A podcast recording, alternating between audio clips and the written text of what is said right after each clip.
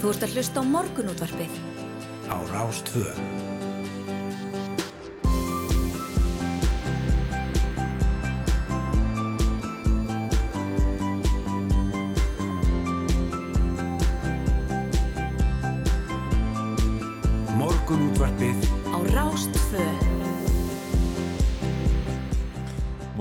Býður, góðan dag, mánudaginn 25. apríl. Klukkuna vantar 10 myndir í 7 og það eru yngvar Þór og, og eh, Hulda Gestóttir sem verður hérna með okkur til klukkan nýju í dag. Já, feskar en allt fest á uh, mánudagsmotni. Já, það er fallegu dagur og þá er svona auðveldar að einhverju leita að rífa sig á fætur. Já, alveg ótrúlega svona bara mildur og fallegu dagur og logn og, og blíða og ég var alein í heiminum og leiðningað. Já, Það var svolítið, svolítið sérstætt að, að, að vera að keira hérna og ekki nokkuð maður á ferð. Nei, akkurat. Við rættum það nú í síðustu viku að það er metfjöldi Íslandinga á Spáni, Já. Rífe á þessum stöðum.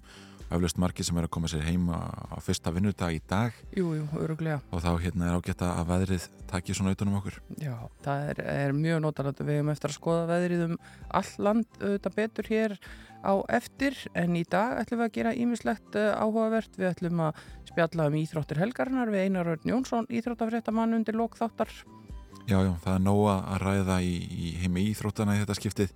Íslenska kvennarlandsliði handbólta þurft að sætta sig við tap gegn Serbju Jú, og EM-draumurinn er því úr sögunni þar.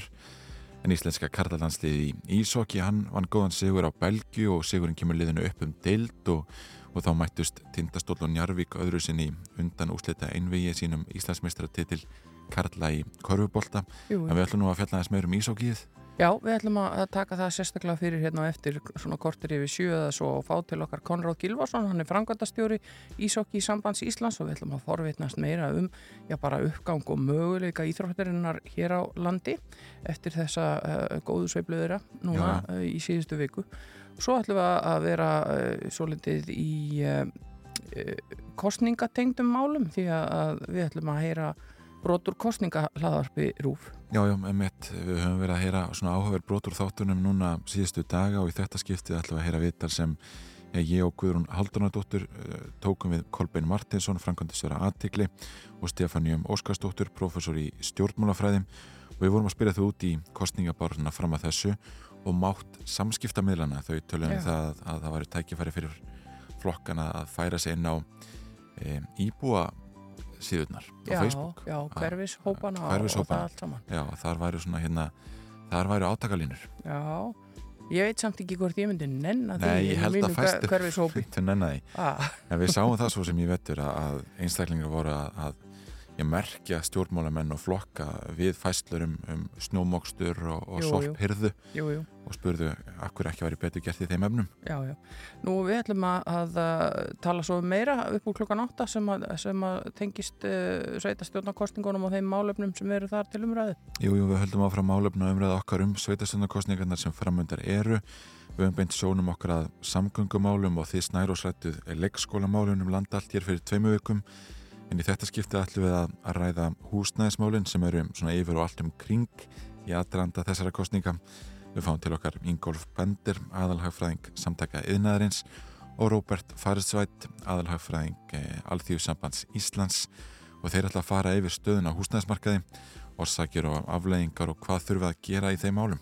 Já, svo ætlum við að vera eins á heilsutengdum nótum um halv áttaleitið og, og velta fyrir okkur föstum og uh, þar er það spurningin eru föstur heilsuefling eða svelti? Þessari spurningu er nefnilega veltu upp á málþingi Náttúrulækningafélags Íslands Anna Köld sem er haldið á Hotel Natura. Og þar koma fram uh, koma saman íþróttafræðingar, næringafræðingar og fleiri úr heilsugeiranum til að ræða hvað gerist í líkamannum þegar fastað er og hvort að þetta sé áhrifaríkt og, og, og hvaða föstur þá og hvernig Mm. og fáum til okkar Jóhannu Eirúnu Torfadóttur, doktor í næringafræði og Lukku Pálsdóttur, sjúkraþjálfara og stopnara HAP Já, til að ræða þetta mál. já, já, einmitt og síðan hér eh, um það byrj korter í átta þá ætla að ræða við Eirík Bergmann, professor í stjórnmálafræði um frönsku fórsetakostningarnar en Emmanuel Macron, fraklandsfórseti hafði betur gegn Marine Le Pen í setni umferð frönsku fórsetakostningarnar sem framfór í gær. Og Macron fekk rúmlega 58,5% atkvæðana en Le Pen 41,5% og eins og Björn Malmqvist fréttamaður á Rúf komst að í París í kvöldfrutin sjóas í gær þá eru fjölmarkir kjósendur frekar óanæðir með Sturma Króns mm. síðustu fimm ár en kusan samt því þeir telja hann skominni skári en löp henn og við ætlum að ræða þetta við Eirik Bergman hann segir kostningarnar hafa verið þar mikilvægastu fyrir Európa-sambandið í lágan tíma. Já, verið forvitnilegt að glukka eins í þetta því að frakkar jú mjög já, svona stórtækir og mikilvægir í evróskum stjórnmálum og hafa verið þær í líkil hlutverki oft. Já, já. og um, við förum í gegnum þetta allt saman á eftir en svo erum við með uh, blaðið í dag, það er nú bara mokkinn sem kemur út á, á mánudöfum á pappir Já, já, um mitt og það er rætt um uh, sölun á Íslandsbanka, fjárlega nefnd alþingis átt að funda ofinberlega um sölu á hlutríkisins í Íslandsbanka í dag e, ásamt frangvöndastjóra á stjórnarformanni bankastíslu ríkisins. En þeim fundi hefur verið frestað um, fram á miðjúkudag segir hér það sem Bankasíslam ríkisins hafði ekki náða að klára minnisblad um söluna. Og þetta staðfestir Bryndís Haraldsdóttir þingmaður sjálfstæðarsflokksins sem hverst jáframt gáttuð á þessari málavegstu ég er mjög hissa á þessari framgöngu Bankasíslunar þetta er eiginlega óásættalegt með öllu segir Bryndís hér í morgunblæðinu en fjárlega nefnd hefur óska eftir svönum við spurningum í 19 tölulegum en síðu stafliðir taldir meðtelja þær á 5. tök. Þar er spurt meðal annars um hvernig stafið hafi verið að vali sölu aðila á hlutabrjöfum, hvers veitna innlendir sölu aðilar hafi verið fimmtalsins og hvernig samið hafi verið um þóknun til þeirra aðila og þá því veld upp hver vittneskja fjármólar á þeirra hafi verið um áallan kostnað og möguleg frávik og Jón Gunnar Jónsson Forstjóri bankasíslunar hann gaf ekki kost á viðtalið þegar morgunblæði leita eftir því í gerðkvöldi.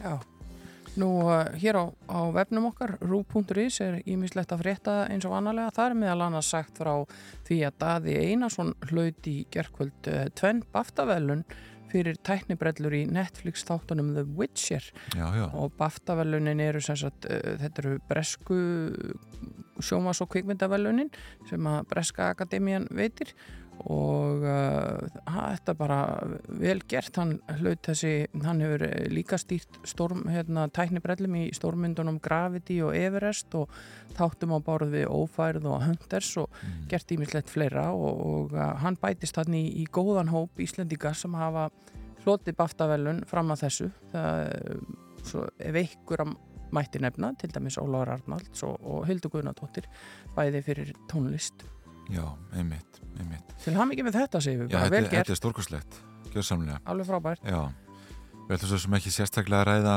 einra ás rúsa í Ukrænu í þessum þætti, kemur kannski einhvað til talsi í spjallokka við Eirik Bergman hér á eftir, en það er hér mynd á fórsvíðu morgunblassins, já, af hátíðahöldum í, í tengslu við páskaháttíð réttrúnaða kirkuna sem stendur nú yfir, en í gerð voru tveir mánuður liðnir frá því að Vladimir Putin, Rúslandsfósiti, skipaði hersinum að ráðast inn í Úkrænu þann 24. februar og rúsneskar hersveitir höfðu þá dvalið við landamæri Úkrænum áður en það ríðast inn í landa úr norðri, austri og söðri en já, áfram mátti heyra í loft árásum í fjarskam á meðan á aturnum stóð í gerð e, og staðfest eða minnstakosti já, átta hafi látist í árásum rúsa á Hafnarborgina, Odessa og Lögadag mm. og um 100.000 manns eru enn innleiksa í borginni Mariupól sem rúsar hafa sett um nær já, frá því bara einrásin hóst, getur við sagt. Já, nánast. Já, það er ímislegt uh, að frétta við vísum auðvitað bara á eins og við sögum vefin okkar sem eru uppfærar allan sólaringin og það er hérna til dæmis frétta því að fjórir geimfarar eru væntalegi til jarðar Já. frá alþjóðlugu geimstöðin í síðdeis í dag. Og þeir hafa verið þar í halvan mánuð að stunda margvíslegar vísindaransóknir og tilraunir og þrýr þeirra greittu hátt verð fyrir farmiðan þannig að borguðu fyrir að, að fara aðna upp. En uh, það komin tími á fréttir hjá okkur. Uh, komum svo aftur inn á eftir. Þú ert að hlusta á morgunútvarpið. Á Rástvö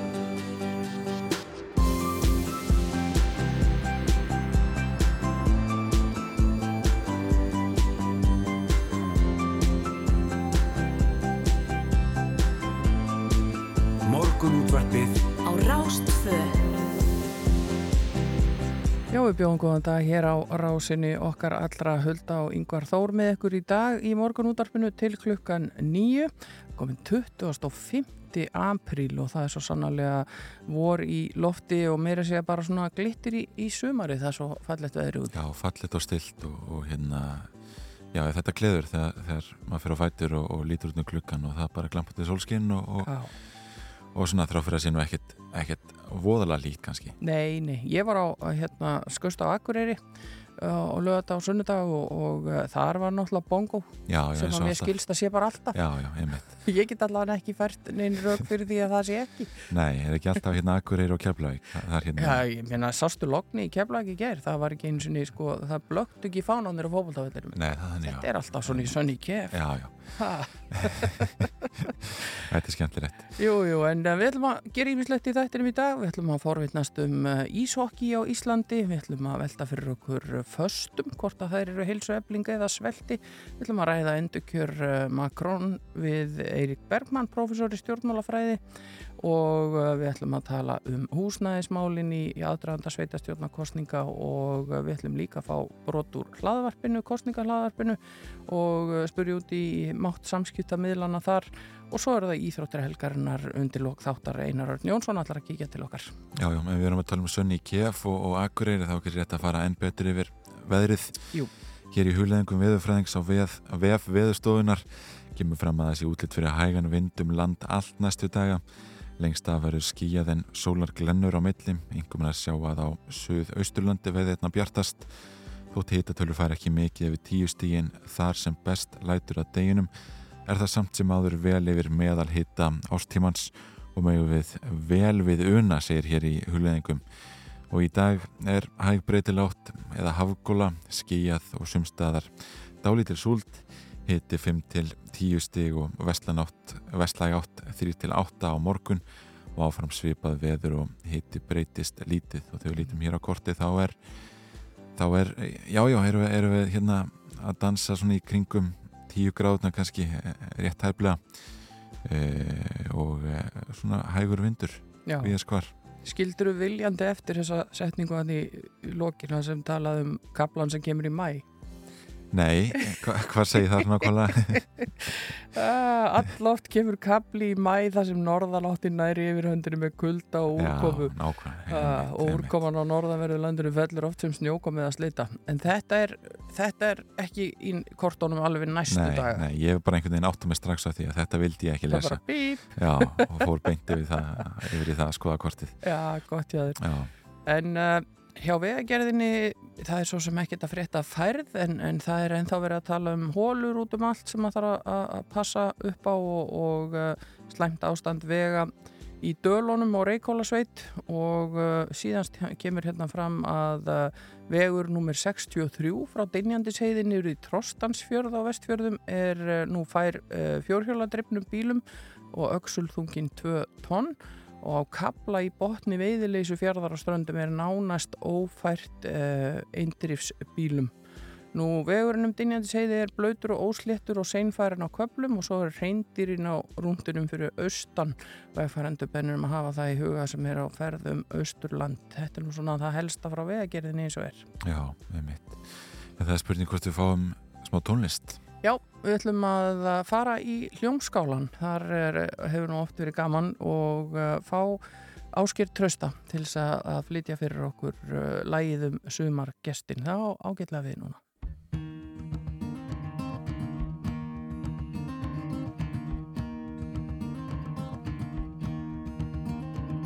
Fugli minn úr fjarskapli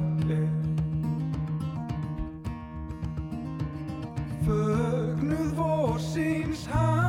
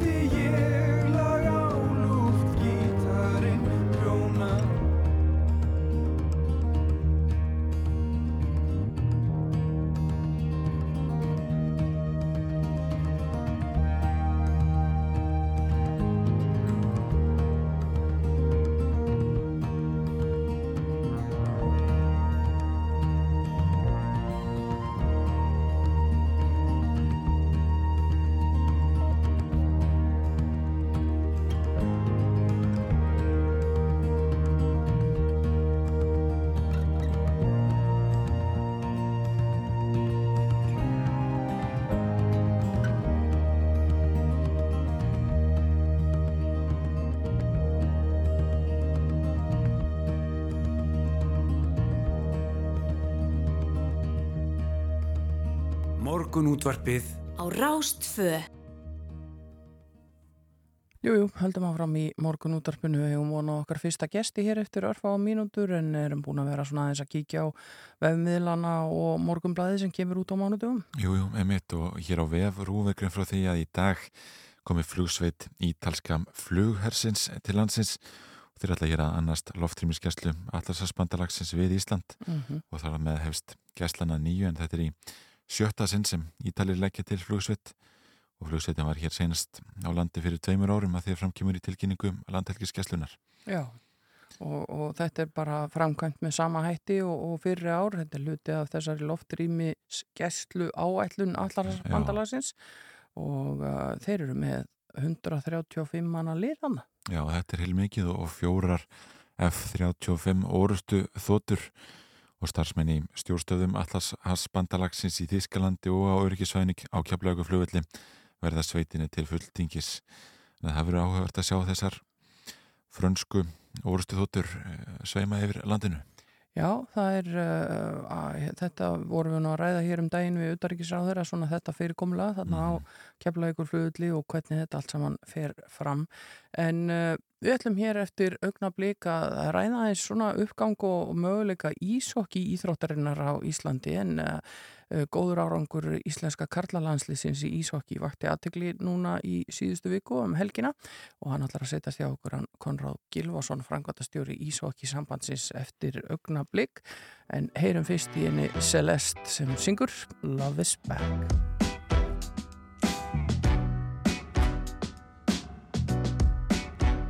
Love is back. Love is back. Love is back.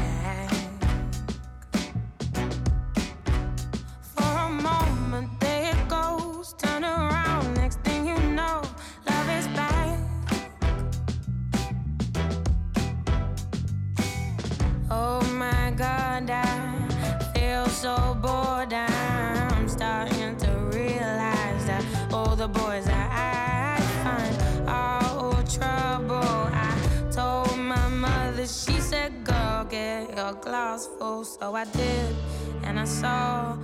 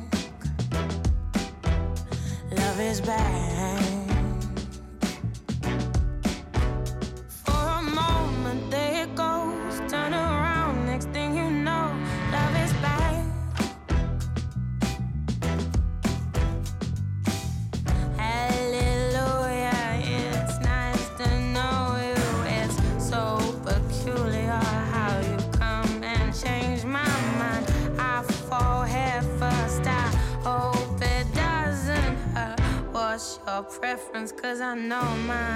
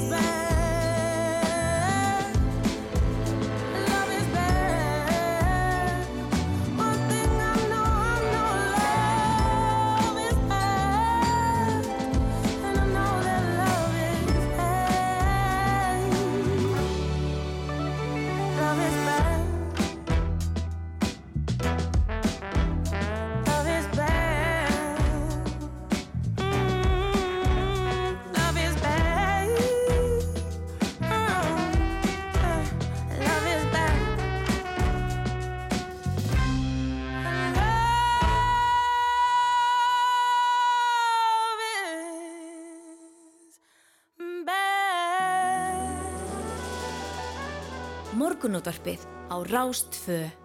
Alla virka daga frá 6.50 til 9. Jú, jú, við ætlum að byrja daginn á því að skauta svo litið af stað uh, en íslenska karlalandsliði í Ísokki vann alla sína leiki í bjeriðli annar deildar á heimsmestramótinu í síðustu viku og það þýðir að liðið er að færast upp um deild uh, á næsta ári og uh, við höfum fengið til okkar Konráð Gilvason, frangvandastjóra Ísokki sambands Íslands til að segja okkur aðeins meira um þessa íþrótt hér á landi. Velkomin. Takk fyrir það. Hva, kannski byrjum bara svona á, á, á tölfræðinni. Hvað eru margir að stunda ísokki á Íslandi? Ég menna ykkar starfsemi, hvað nær þetta utanum margt fólk?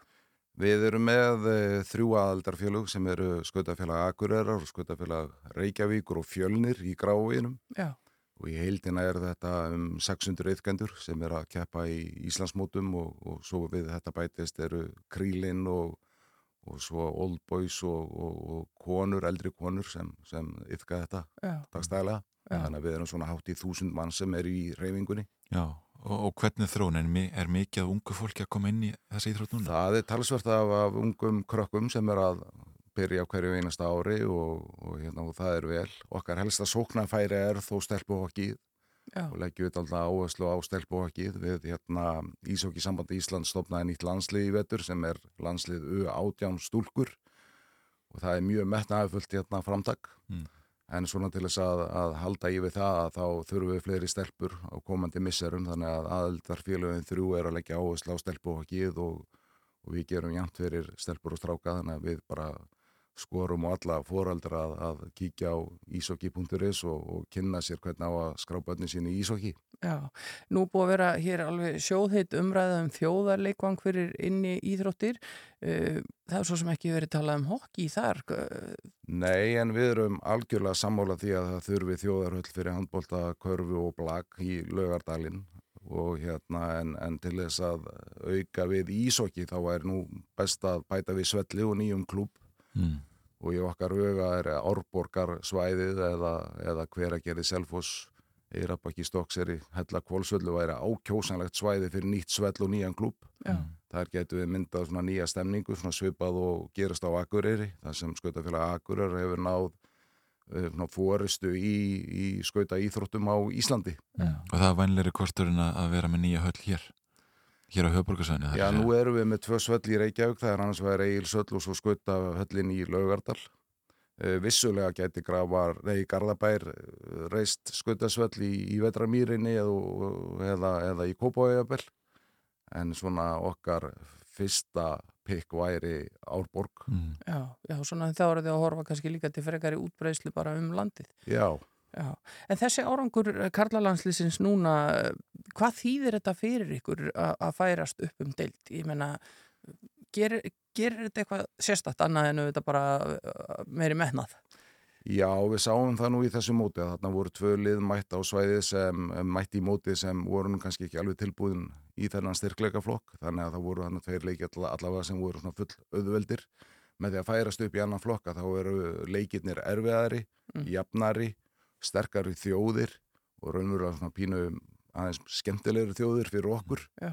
Holland eftir inn í þann hóp og svona, það er, þetta er betra fyrir okkur. Já. Já, Og, og þetta þýðir það að, að, að, að á næst, næst þeirra keftir á heimsmeistaramótinu, þá, þá eru þið komnir í, í þessa aðdeild. Já, já, bara frá og með næsta tímabili. Næsta, næsta tímabil hefst núna í ágúst og ágúst-september, þannig að við hérna sækjum um hvort við getum haldið annað mót en, en ef ekki þá er það líklega Holland sem við förum til. mm. En síðan sjáum við að það greiðlega stemming í kringum ísokki í, í Finnlandi, í Kanada, Rúslandi og þessum löndum. Eh, Þessi sama stemming hefur kannski ekki alveg skapast meðal almennings hér á landi. Nei, ísokki á Íslandi er fremur lítil íþrótt og, og, og er bundin við þessa þrjá klúpa, þannig að við erum bara með þrjú svell, þannig að við höfum ekki náð þessari útbreiðslu eins og nákvæmna þjóður okkar. Já. En, en, En er það- það verður kannski einn daginn. En er ekki gaman að horfa á hokki? Er þetta ekki skemmtilegt? Ísokki er, er að mínum að einn skemmtilegasta íþróttin sem hægt er að horfa. Það er mikill hraði, spenna, það er margt sem gerist í leiknum og fullt af alls konar. Þannig að þetta er, þetta er gríðalega skemmtileg íþrótt. Já, Og röð og, og, og hérna, mikil átök. já. En það hefur vantað fólk á áhörundapallina. Það vantar það. Það vantar nú yfirleitt svona í kannski flestum íþróttum svona annað en kannski fótbolti, karf og handbolti en, en eh, við erum að taka einhverja tvö- 200 yfk- hérna, áhörundur á, á deildarleiki hjá okkur. E, þarna fylgtum við húsið í, á heimsmestramótinu, 700 manns á hvert leik þannig að það var mjög gaman. Já. Kannski er þetta tækifæri fyrir fólk sem hefur gaman að því að fylgjast með íþróttum að, kynna sér eitthvað nýtt. Já, algjörlega. Já. En hvaða möguleikar eru í stöðunni sko þegar að húsnæðismálin er eins og þau eru? Eru þið alveg först við það að fá eina höll en til að geta stækka íþróttina? Heldur þetta eitthvað svona í, í ákveðin stærð? Já, við teljum svo að vera að klúbarnir þrýr geta ekki stækkað mjög mikið úr því sem komið er. Vissulega getum við bætt við yfkendum og sérstaklega stelpu hokkið en eh, til þess að stækka íþróttina margfald þá þurfum við fleiri svell. Það er alveg klárt. Já. Nú hefur við heim á Íslandi og eitthvað myndi halda að svona sport væri nú alveg rakið fyrir Íslendinga að spila ísokki. Er aldrei, það er ekkit verið að æfa svona út í heimi utan dýra. Það þarf alltaf að vera húsnæði. Jú, vissulega er verið að æfa utan þeirra mjög víða. Já. Gætu Það við er- gert eitthvað svoleiðis? Já, við höfum að sjálfsögðu gert það Já. en svona heilt yfir er það erfitt á Íslandi þar sem við erum með uh, frost og, og þýðu innan dags og, og þá eru svellin erfið Mm. og uh, bara mjög snúið að halda svo leysi við Mm. en vissulega eru krakkarnar að hittast upp á Rauðavatni og, og á Pollunum Akureyr og, og víðar til þess að skauta. Mhm. Ílstaðir hafa verið duglegir við að setja upp svell og, og vestfjörðum Já. öðru koru uh, svo má ekki gleyma í, í, í hérna niður á hall hérna, Ingólfstorki er, er um jólin er svell og Já, þannig að það er víða öðru koru sem útisvell koma upp já, meira til skemmtunar þó já, já, já, já, en svona kannski bætir, bætir skauta hæfnina. Hvað er framundan hjá Ísokki sambandinu? Hver eru næstu stóru verkefni? Næsta stóra verkefni er nú bara eftir þrjár vikur þegar landslið Kvenna feð til Króatíu og tekur þátt í heimsmestaramóti Já, og svo er það landslið U18 stúlkur sem fara til Istanbul í júni og svo er það landslið U20 drengir sem fara til Serbíu í september. Já, þannig að það er mót sem var frestað sem átti að vera í janúar, það var frestað út á COVID Mm. þannig að það, er- það er mikið framundan akkurat núna. Já, en hérna heima því við erum nú að tala um að svona kannski getur verið gaman fyrir fólk að kíkja á leiki er, er deildin búin hér eða hvernig er Já. tímabilið hjá okkur? Deildin er búin hjá okkur núna, við erum að ljúka deildinni, Já. deildunum og núna tekum við bara utan ísæfingar núna í sumar fyrir utan landslýsverkefnin Já. en, en deildaleikir hefja svo aftur í september. Já, og þá er tilvali fyrir fólk að- að að kíkja í skautahallinnar og, og, og fylgjast með spennandi ísokkileikjum. Algjörlega. Frábært, takk fyrir að koma til okkar, Konráð Gilvason, frangatastjóri Ísokki sambandsins og til hamingi með hennan góða árangur og gangi ykkur vel. Takk fyrir það. Já, við höldum áfram, förum í frétta yfirlit hér á slæginu klukkan hálf og svo ætlum við að ræða föstur að því loknu.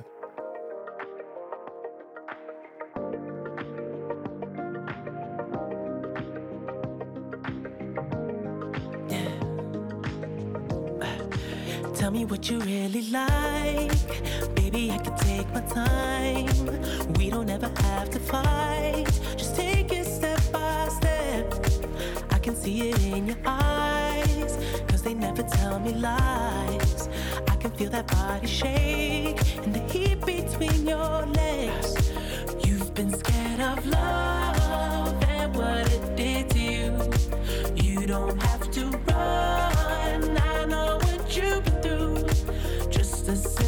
side.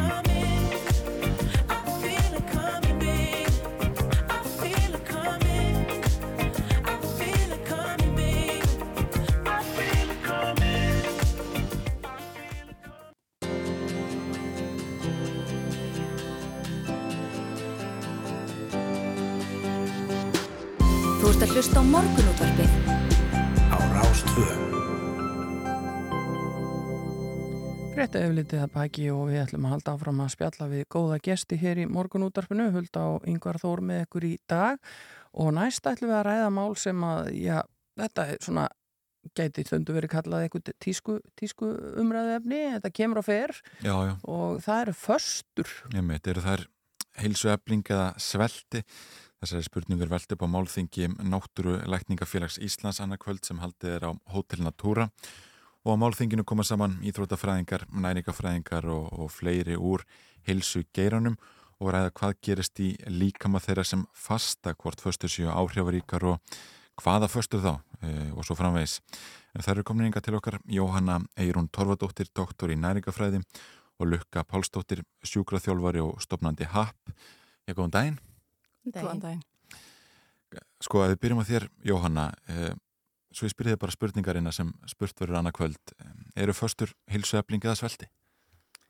Það er mjög erfitt að svara því svona stutt og, og, og, og skorinort einhvern veginn. Það er bara, það er verið að rannsaka þetta og hérna, það er bara misvísandi niðurstöður og, og svona, já, hva, hva, hver, hvað er markmiðið með því að fasta?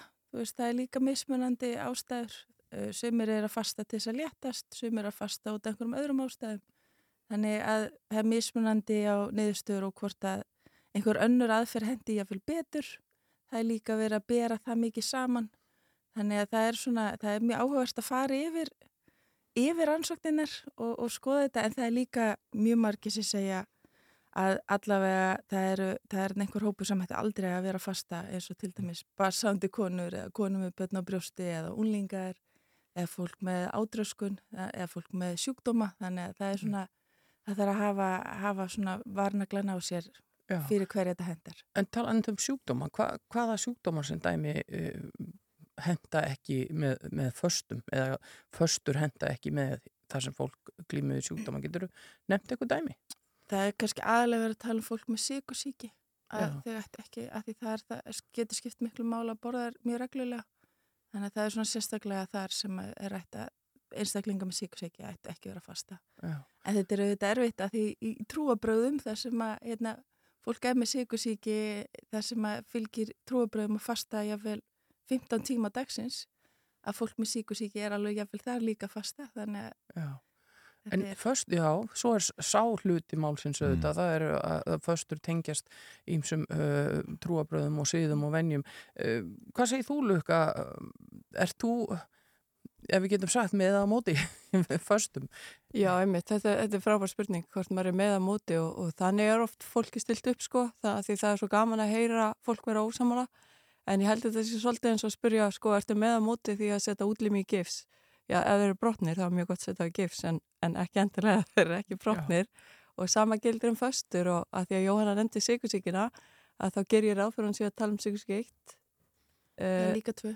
Allavega myndi ég, já, ok, þá getum við kannski verið Aðeins ósamála, ósammála. við erum kannski komið með eitthvað gott topic Já, uh, Sigursíki típu 2 sem að yfirleitt er sko, uh, þar er þáttur sem heitir hérna, ofgnótt af insulíni í rauninni og föstur er mjög góð leið til að ná insulíninu niður mm. þegar að, að hérna, við erum orðin ekki eins næm fyrir áhrifum insulíns og erum farin að mynda svo kallað insulínónæmi að þá eru föstur einn öflugasta leiðin til að ná insulínu niður og þar með að, að svona e, stöðla að því að bata í sikursíkinni. Þannig að það er, það er, föstur eru bæði góður og slæmar sko, það er, geta gert heilmikið gagn. En er ekki tættu því að, að, að ef að fólk fastar til dæmis sem er með sikursíki að, að, að það veri þá bara orkulítið eða fari í ykkur skona sikufall eða Jú, ég hef svo sem ekkert vita á þessu en ég bara velta þessu fyrir mér. Jú, það er einmitt hægt á því að, þannig að þetta er ekki, það er líka hægt á öðvarítnun ef við setur fótleiki gifs en, en hættan á því að þú gerir ekki neitt, hún er meiri og við vitum alveg hverjar afleðingar sikursíkinar eru ef hún fær að við gangast í, í mörg ár þá erum við að tala um uh, blindu og, og nýrnabilun og útlimamissi og, og fleira þannig að hún er það skadleg að stundum þurfum við að nota vopn sem að eru beitt Já. og geta hjálpað gríðarlega mikið og gert meira gagn heldur en skada. En nú hefur umræðan um föstur uh, finnst manni svona, já, minnst að kosti undanfærin ár að miklu leiti svona bara í samfélaginu snúist um fólk sem vil létta sig. Mhm. og það er, það er þessi, það er hérna eitthvað þetta og þetta, ég man ekki hvað þessar klukkutímar eru á móti hverju og dagar, þú veist, 5, 2 og allt þetta. Uh, er, er þetta skinsamlegt eða uh, virkar þetta í einhverjum tilfellum eða við erum svo gjörn á það, ég veit ekki hvernig það er í öðrum löndum en allavega við Íslendingar erum ósa duglega að stökka á svona alls konar vagna sem að koma í heilsumálum er, er þetta virka og er þetta skynsalegt? Hvað segir þú, Luka? Nú ert þú að mæla uh, hérna, fólk og, og, og skoða heilsu og gefa góður ráð. Já, ég er nefnilega hérna býð svo vel að ég, ég fæ að skoða blóð í fólki að hann er álíki hvort að ég fasta ekki Mm -hmm. að ég vinn hjá uh, litlu fyrirtæki sem heitir Greenfit og þar mælum við hjá öllum sem koma í rannsókn til okkar mælum við einmitt þetta sem vorum að ræðum, insulin og ef að það er hátt að þá svona uh, hjálpar það líkamannum, við getum orðað svo að sapna fyttu Mm. eins að þetta er svona varnarmekanismi í, í líkamannum, þetta er heilbrygt í rauninni að geta sapna fyttu og, og þá ef að það er hátt að þá eru föstu mjög gaglegar fyrir þá sem eru að reyna að letta sig.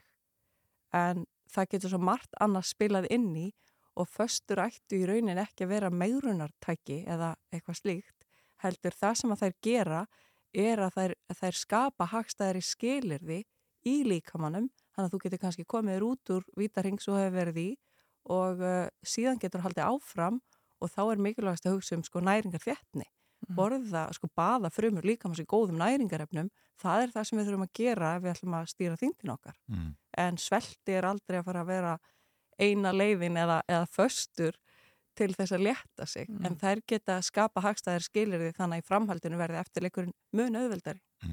Jóhanna, sko þetta er talsið stórt yngripa að ég er bara að sleppa því að borða og sleppa því að næra sig eh, er þetta það já, ég getur þetta verið byrjunis hættulegt að, að, að sko að, að hérna, vitum við nægilega mikið um þetta til að yfir höfuð fasta við veitum kannski ekki droslega mikið um langtíum áhrifin af því. Við hefum ekki kannski verið rannsaka það mjög lengi en það er til dæmis nýja rannsók sem var að byrtast núna í New England uh, sem var gerði í Kína að mig minnir og þar var verið að fylgja eftir annarsvegar hópi sem að fastaði sem sagt, til borðið 8 tíma dagsins en föstuðu restiðina af deginum Mm. og svo voruð með annan hóp sem var bara á svona 75% minni orkuintöku og mátti bora hvena sem er dagsins.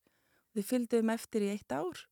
Og það var engi munir á þessum hópum í neinum parametrum, hvorki með glúkósi, insulín, ekki neitt af þessu breyttist frá því að vera hinhópurinn sem var bara að borða aðeins minna en mátti bora hvena sem er dagsins. Og það er mjög mikið af svona rannsóknum sem er í gangi, eh, það er ekki hérna það var ekki, til sögðu, það var ekki adverse effect, eða eitthvað svona það sem að, var eitthvað svona slæmt sem gerðist í hvorum hópnum. Mm.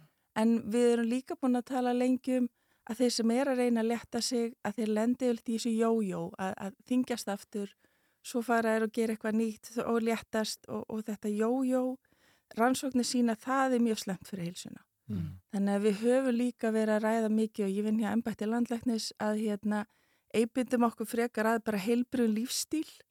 Það sem að er langvarandi, þetta er ekki eitthvað stutt átak, við erum bara að taka eitthvað sem við gerum bara alltaf út lífið Mm. og fylgjum þar ákveðnum ráðleggingum um reyfingu og næringu og kannski ekki vera með all fókusun á þingdina, heldur bara hvaða er sem lætur okkur líða vel. Það er alltaf margt annað í lífinu sem lætur okkur líka líða vel, bara eins og að vera í góðum samskiptu við fólk eða Mm. gefa af sér. Já. Þannig að, að huga að hvað er það sem lætur okkur líða vel og færa okkur til að gera eitthvað jákvægt. Og það eru auðvitað ímsar aðrar mælingar sem hægt er að gera en að stíga bara á vikt. Það eru auðvitað hægt að skoða blóðfyttu og blóðsikur og, og, og, og svona allskins Mm. uh, hluti sem eru mælanlegir og geta sínt framfærir og, í, og bætta hilsu. Það er akkurat ná- nákvæmlega málið. Eh, Það er alltaf talað um einhvern veginn föstur í samhengi við þyngd en föstur hafa svo margt gaglegt sem að hefur ekki með þyngdin að gera. Það eru efnaskipti líkamann sem skipta öllu máli. Mm. Þess vegna horfum við einmitt á, á eins og í, í vinnunni okkur í grímfeit að þá erum við að skoða efnaskipti líkamanns og við hreinlega setjum hérna grímu fyrir vit fólks og, og mælum loftskiptin og skoðum þannig hvernig frumur líkamanns er að velja sinn svona eldsnitt skjafa, hvort það kemur aðalór prótínum eða, eða kolvetnum Mm. og við sjáum að föstur hafa mikil áhrif á þetta. Það talið uh, heilbreyðara að, að fytu, uh, frumur líkamanns velji fytu sem orkugjafa í kvíld Mm og svona lága álagi í meiri hluta. Við erum oft með svona blandaða brennslu en, en til þess að hjálpa gera það þá getur föstu verið mjög öflugt tæki. Þannig að við þurfum eiginlega að hugsa um föstur í miklu víðara samingi heldur en sem eitthvað þingdastjórnartæki. Já. En þetta verður oft svo rugglingslegt fyrir venjulegt fólk þarna úti sem er að reyna að fylgjast með og vil, já, ímist létta sig eða bara bæta heilsu sína og, og, og í mörg ár uh, var aðalmandran að vera alltaf að borða morgumat Mm. og svo einhvern veginn finnst manni núna að það vera bara, já, neini, ekki borða neitt fyrir en eftir háti og, og helst síðan bara hætta klukkan 6 og ekki borða neitt á kvöldin. Sko, hvað telst fasta? Á hvaða tímapunkti getur maður sagt að maður sé að fasta? Hvað þýðir það, hvað er það marga klukkustundir án þess að neita matar? Þetta er bara frábær spurning að því að þetta er akkurat það sem við vitum ekki. Og við vitum að föstur eru gaglegar, við vitum hvað áhrif það er að hafa á líkamann og við getum mælt það en, en hérna, e, þetta er alveg svo að vera með lif en við ekki, gefa þér pillur með höfverkja, hérna er verkjatöflur, ég veit bara ekki hvað það taka mikið. Mm. Veins að, hérna, það eru uh, sko rannsóknir á þessu eru ekki alveg nægilega góðar og vegna þess að það er ekki svo mikil kvati, það er ekki, föstur kosti ekki neitt. Þetta er ókipist tæki. Það verður engin engarleif á föstum þannig að, að þess vegna er kannski ekki verið að, að gera mjög mikið rannsóknir á þeim. Síðan er líka erfitt að gera rannsóknir sem eru akkurat hérna, þessar tvíblindu randomæst stúdjur á, á mönnum. Það, við getum það ekki, þess vegna er þessar rannsóknir gerðar á dýrum að því það er erfitt að segja þér að, að þú sérst að fasta á hins ég placebo að fasta, Mhm. skilur þannig að það er svo margir annmarkar á þessu. Já. Þannig að okkur vantar svolítið að vita e, í hver miklu magni eigum að beita þessu vopni en þetta er mjög öflugt vopn og getur framkalla gríðalega góða breytingar í vefjum líkamanns. Já.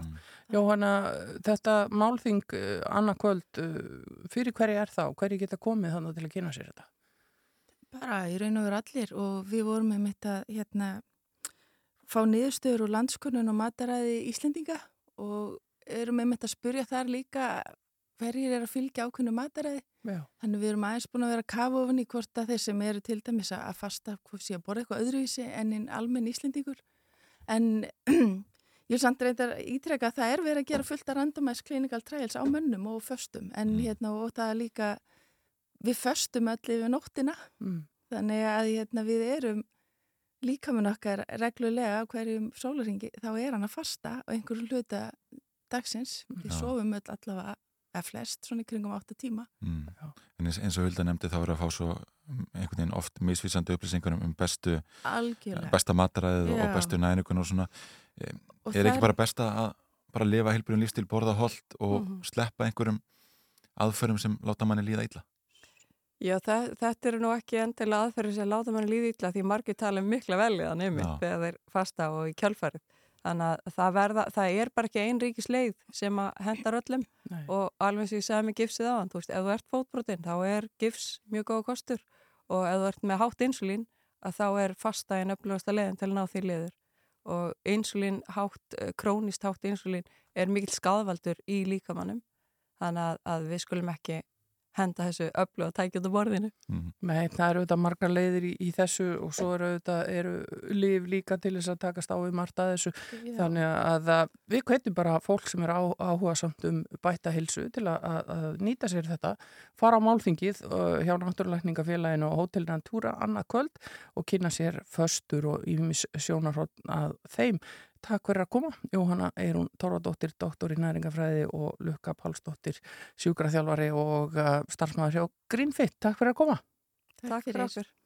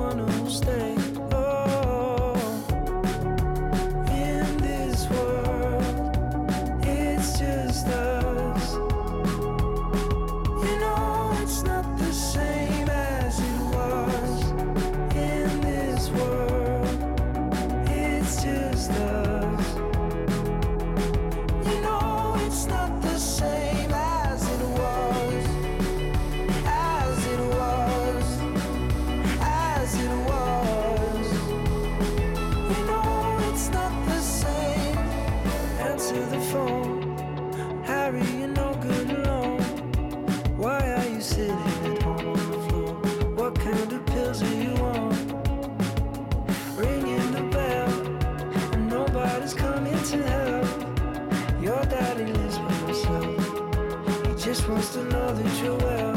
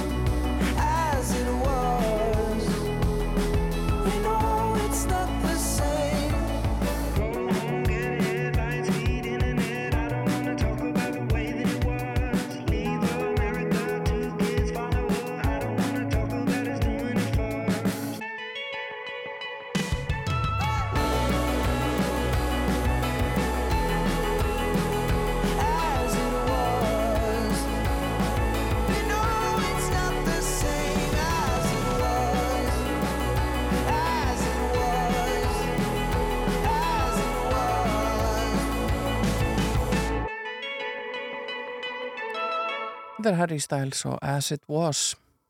Jújú, en við ætlum að ræða fórsetakostningarnar í Fraklandi. Emmanuel Macron, Fraklandsfórseti, hafði betur gegn Marine Le Pen í setni umferðkostningarna sem framfór í gær. Og e, já, Eirikur Bergmann, professor í stjórnmálafræðir, komin á línuna, góðan daginn. Já, góðan dag. Það lág svo sem eiginlega alltaf fyrir að Macron tæki þetta. Jú, jú, það var nú svona lág alveg í loftinu og allar mælingar höfðu sínt það en það hins vegar dró saman með þeim um tíma þannig að einhverji voru farnir að súpa kvæljur í, í svona kampi Macrons. einmitt. En við heyrum það nú í kvöldfréttum í gæra að sko það eru fjölmarki frakkar sem eru frekar óanæður með störf Macrons síðustu fimm ára en, en kusan einhvern veginn, já, vegna þess, þessar kostningakerfis að þeir telja hann skömminni skári en lupen. Já, sumir hafa verið að telja uh, það til að jafnvel sko meiri hluti uh, sko sá meiri hluti sem að er að baki honum sé, uh, sé tilkomin vegna atkvæða gegn einhverjum öðrum valkostum uh, fremur heldur en fyrir stefnu Makrón sem slíkri. Og þessi staða endur speklaðist í sigur ræðu hans í gær sem að var svona sérlega hófstilt og hann reyndi að ná svona utanum þessa uh, hópa. Það er ekki aðeins það að þeir sem að kussu hann hafi gert það um, í sko mjög stórum hópum sem andstöðu atkvæði uh, gegn Marine Le Pen og bara gegn, gegn því að það sé nokkur annar svona raunhefur valkostur í bóði heldur sátu frakkar heima í meira mæli í gær heldur en að við höfum séð uh, vanalega og uh, uh, atkvæði vor, uh, voru sko í með fjöldan ánast. Já. Þannig að, að það er ekki mikil ástríða Nei. á bak við þetta forsetakjör Emmanuel Macrons og hann áttar sig á því sjálfur sem að er líka tilsvert. Já, mun hann þurfa að taka eitthvað svona stór skref til að breyta uh, þessu á næstunni eða uh, verður þetta svona eins og lýsir að hann svona uh, reynir einhvern veginn að gera öllundi geðs og, og, og, og verður hvergi afgerandi? Já, hann vil halda því fram að, næstu fimm ár verði á einhvern nátt öðruvísi en síðustu fimm ár í hans uh, valdatíð og hann ætli sér að reyna að ná betur til allra frakka. Hann er sakar um að vera fjarlægur og fálátur um, svona kjör almennings og, og svona stöðu uh, fólks í, í, í landinu og hann segist alltaf að ná utan um það. En að sömuleyti má segja við séum í rauninni bara stödd í hálfleik því að uh, uh, sko uh, þingkjörið er framundan núna í júni og það mun skipta sköpum fyrir Makrón hvort að nái meiri hluta, haldi meiri hluta á, þinginu, réttar sagt. Og geti þar með komið stefnumálum sínum í, í gegn. Eða hvort að frakkar velji Um, sko Jean-Luc Mélenchon sem að er sko mjög langt til vinstri og hefur í rauninni lagt sósélistaflokkin í rúst.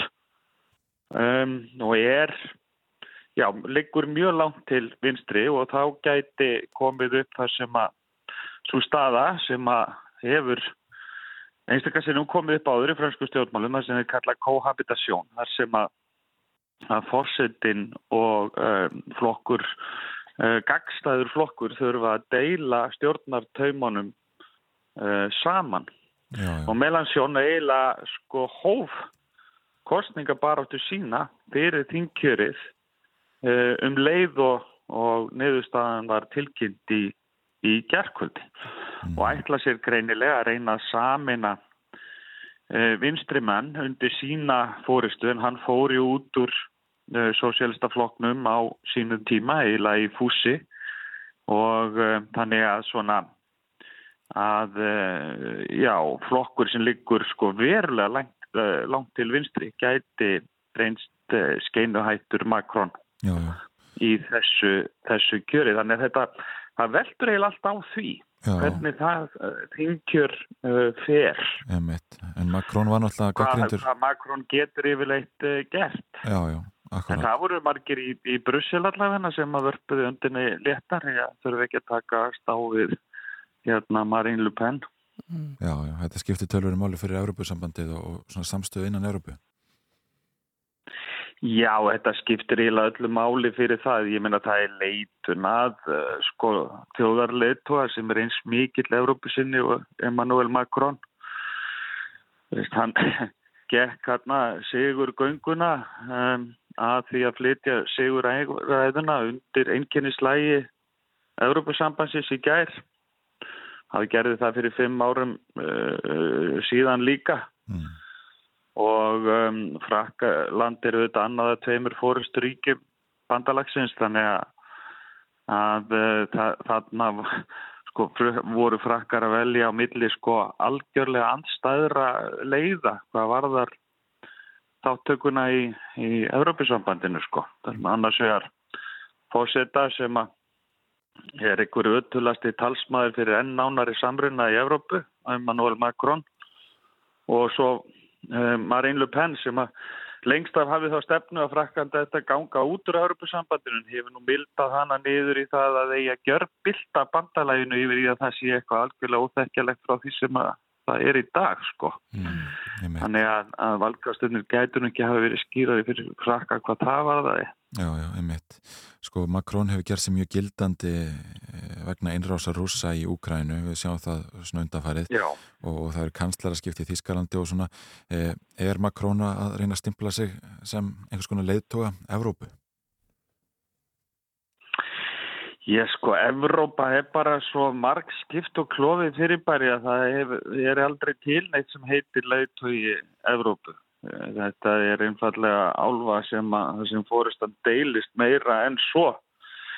Og nú kannski eh, einvörðungu sko Angela Merkel sem að náði einhverju slíku stöðu í hugum fólks og það kann að vera að Macron hafi drauma um að taka við um, því kepli af, af henni. En um, nei, ég er nú ekkit alveg viss um að hann hafi stöðu til þess í sjálfu sér sko. Um, maður sér það ekki, ekki alveg. Menn það er hins vegar rétt að Európaríkin hafa þjappast verulega saman eftir þessa eindrafsrúsa inn í Ukrænu og, og Macron hefur verið kannski sá uh, þjóðarleitt í Evrópu sem hefur tekst uh, sig svona lengst til þess að reyna að hafa áhrif á Vladimir Putin og talar við hann Vi, vi kom... mjög reglulega Já, og já. það sk- hefur ekki skilað neitni neinum árangri Við verðum að var Eiríkur. Tímin er flógin frá okkur. Frá Takk fyrir 140. þetta. Þú ert að hlusta á morgunútvarpið. á Rástvö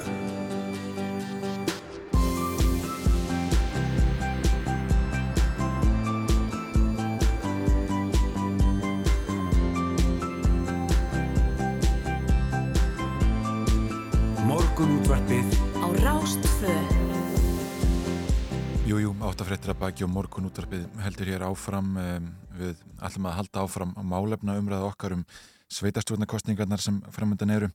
Við höfum beint sjónum okkar að samgöngumálum og, leikskólamálum um allt land en í þetta skiptið ætlum við að ræða húsnæðismálin sem eru yfir og allt um kring í aðdraðanda þessara kostninga.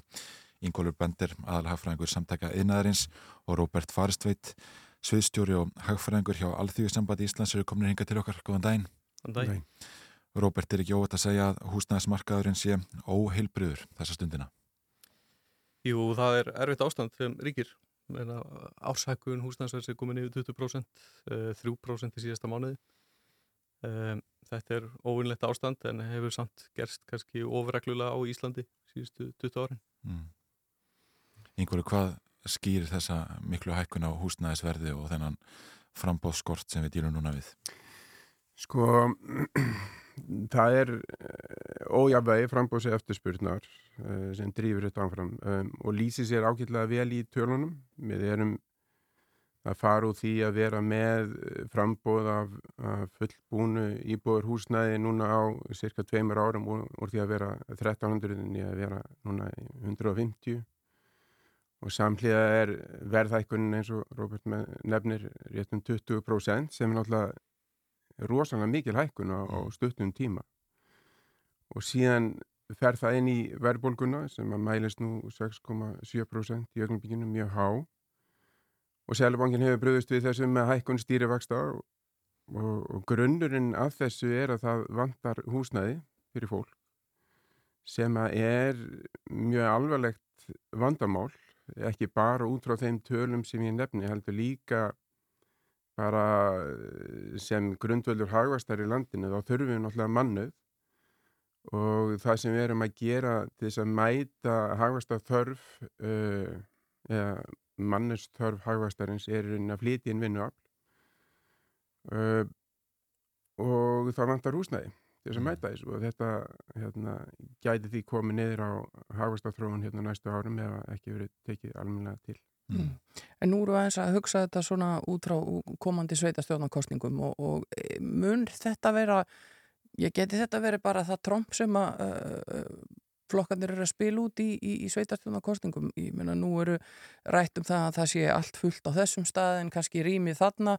Uh, er þetta trompið að, að, að byggja og, og bjóða fólki til sín?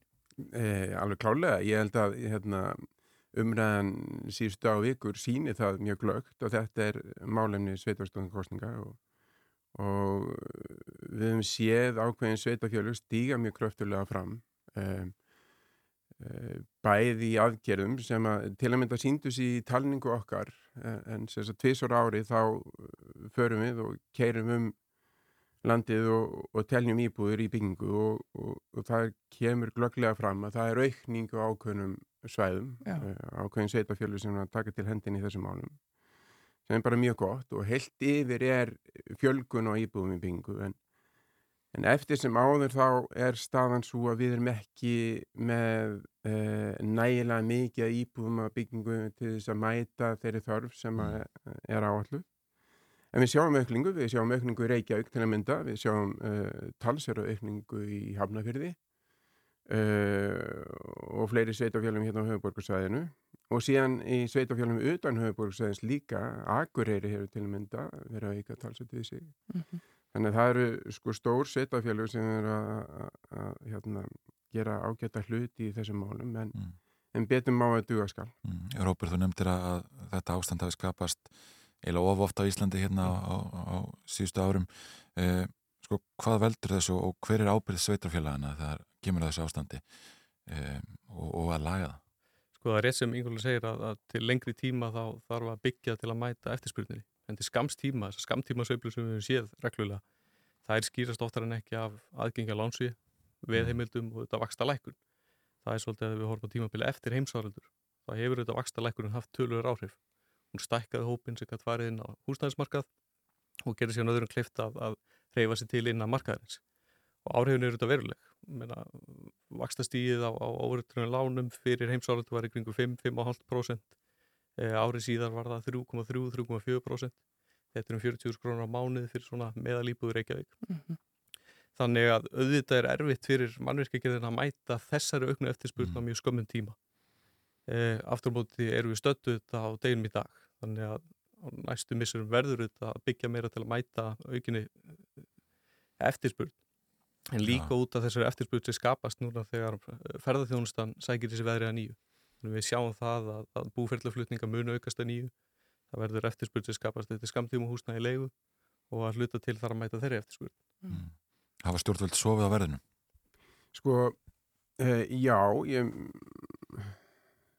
vil segja það að þessu liti og, og sko ábyrgin er, er víða, eh, ekki síst hjá setjastjórnar stíinu. Stóra myndin er þessi, við erum með eh, með spáhagstofunar eh, fólksfjölgun hér í landinu fram til 2026, réttum 50.000 manns eh, og við þurfum að byggja til þess að hérna, mæta þörfum þessa fólks sem er sangkvæmt áallun húsnæðis og, og margjörstofnunar 3500-4000 íbúðir á ári sem við þurfum að, að skaffa.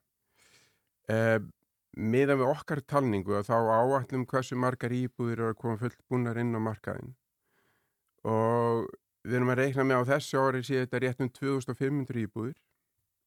Það er að segja að vantar þá 1500 íbúðir til þess að mæta þessu gati. Mm og næst ári getur þetta að vera eitthvað um 3100 íbúðu. Það er að þessi aukning sem við erum að sjá í talningun hjá okkur núna er að skila okkur vext á milli ára en enga síður er það undir þeirri þörf sem áalluð er. Hmm. Uh, þannig að þetta ástandi er ekki að batna í bráð því miður og þetta er stóra verkefni sem að sko er ekki bara verkefni einstakra setjastofna heldur uh, þarf samstilt átak. Hmm og þar þar náttúrulega ríkistjórnin líka að, að koma Mm. og við erum afskaplega ánað með uh, það að nú sé komið eitt innviðaráðanetti þar sem að þessi mál eru svona svolítið á einni hendi aðeins sem getur þá tekið ábyrðið þessu máli og við erum verið ánað með það að, sára á þeirra hefur stíðið fram og sagt við þurfum að setja okkur markmið í þessu að byggja hérna einhverju 20.000 íbúður á þessu tímanbili og síðan er þá hægt að gera það með skipulögum hætti að- hafa það, það hérna, samráð við sveitastjórnunar Mm. uh, hvar það er best komið því að sko staða sveitafélag er rosalega ólík Mm. hvað varðar það hversu mikið nýtt landi geta brotið undir, Mm. hversu mikið það geta þétt og svo framvegis þannig að hérna uh, það þarf að taka tillit til þess og Já. það þarf að byggja fjölbreytt Já, þegar við náttúrulega tala töluvert í samtökum einaðarins um lóðaskort en þegar við lítum á, á ákveðna tölvukassi sérstaklega frá árunum 2018 og 2019 þá var fjöldi útgefina byggingaleifa í, í Reykjavík sko langt umfram fjölda framkvæmda e, sko þetta, þetta hlýtur að beina svona spjótunum einhverju leiti að verktökum og, og bönkunum líka Uh, já, uh, sko, við höfum bent á lóðaskortin sem vandamáli þessu og það hefur verið bent á það okkar félagsmönnum sem eru náttúrulega stóri aðalur á, á þessum, þessum vettvangi og klálega er það þannig að, að lóðaskorturinn er stór þáttur í þessu. Um, þegar það er útlitað lóð þá tekur náttúrulega tíma að byggja á viðkomandi lóð þannig að það er vissuleiti eðlilegt að hún fari ekki öll í byggingu á sama tíma. Uh, þannig að það ekki kunna vera ákveðna skýringar á því okkur það verður ákveðin töf þar og skiplagsferlin náttúrulega tekur allt á langan tíma líka. Það er annað sem við höfum verið að benda á. Þegar bregðast á við svona ástandi þá verður að tryggja skipulagi sé með þeim hætti að þetta sé ekki margra ára prósess Mm. uh, það sem menn eru flæktir í skipulagsferlinu og í reglugjara umhverfinu Mm. heldur getur bröðist við með til til að skjótum hætti mm.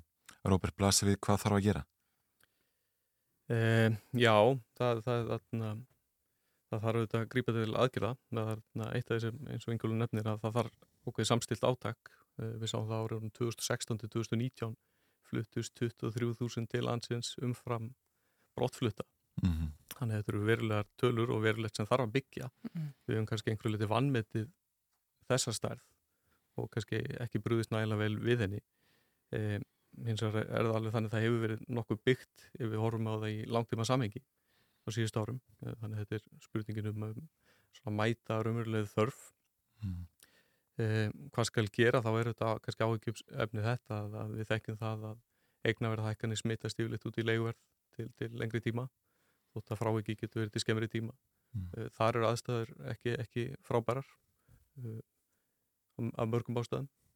Þannig að það er líka að beita sér fyrir því að byggja óhagnaður yfir leiguhúsnaði og byggja rétt fyrir markaðin. Mm. Já, þetta ástand hefur náttúrulega sko, mjög ólík áhrif á, á samfélagsópa eftir því hvort að já, þú eigir eigna eða ert á leigumarkaði eða ert að reyna að koma þér inn á þennan markað. Mm. Já, klálega, það er ákveðin ójöfnu sem skapast í því þegar eigna verið hækka svona rætt. Það er þeir sem eru eftir utan markaðarins sem lenda verið í því. Eh, á leigumarkaði, á íslensku leigumarkaði er reyndið svolítið svo að það skamtíma leigusamningar eru ríkjandi uh, sem gerir það að verkum að, að þú fær allar markasauplutnar inn í leiguverðið með skömmin tíma. Í flestum Evrópuríkjum er einhvers konar leigubremsa sem stöðvar slíkar hækkanir. Uh, þannig þeir sem eru á leigumarkaði verða fyrir markvöldum áhrifum. Líka því þegar ferðarmenn koma til landsins og ásókn í Airbnb íbúður ekst og annað. Eh, Þannig að það er svona ákveð áhugjefni sem við sjáum að geti skapast á næsta árum. Já. Þú talar um 23.000 fleiri sem fluttu til landsins en frá því. Er einhver hætta á því að þessi þróun geti snúist við? Það er að segja ástandi hér sé bara orðið það slæmt að húsnæðismarkiði að fólk hér hreinlega hugsi sem, já, ég ætla bara að losa mína regnir og, og losa pening og fara eitthvað annað. Já, það eru alveg raunverulega áhugjur í, í, í, að í rauninni sko húsnæðismarkanin get ekki mætt til þörf sem að er fyrir uh, íbúður uppbyggingu hérna. Uh, og við þurfum að gæta að svo vera ekki því að ef það ástand kemur upp þá kemur það bara hreinlega niður á lífskeðum í landinu. Það kemur niður á hagvexti og, atvinnusköpun og, og hérna það er ástand sem við viljum ekki. Þetta er í rauninni sko eins og bara aðrir innviðir. Mm. Um, við getum talað um sko uppbyggingu samgöngukerfis eða raforkukerfis, eh, gagnættengingar og annað slíkt sem að er allt þætti sem verða að vera til staða til að skapa grundull fyrir verðmættasköpun og hagust og, og velsætt í landinu. Og það er bara nákvæmlega samir íbúðir. Mm. Við verðum að, að tryggja hér sér nægt frambúð af slíku og það sé fjölbreytt húsnæði uh, sem þá mætir þeirri fjölbreyttu þörf sem fólk hefur fyrir þetta. Mm. Það er ekkert sem bendir til þess að, já, húsnæðisverð fara að standa í stað eða, eða lækka eða, eða hækka hægar eh, að svo stötu.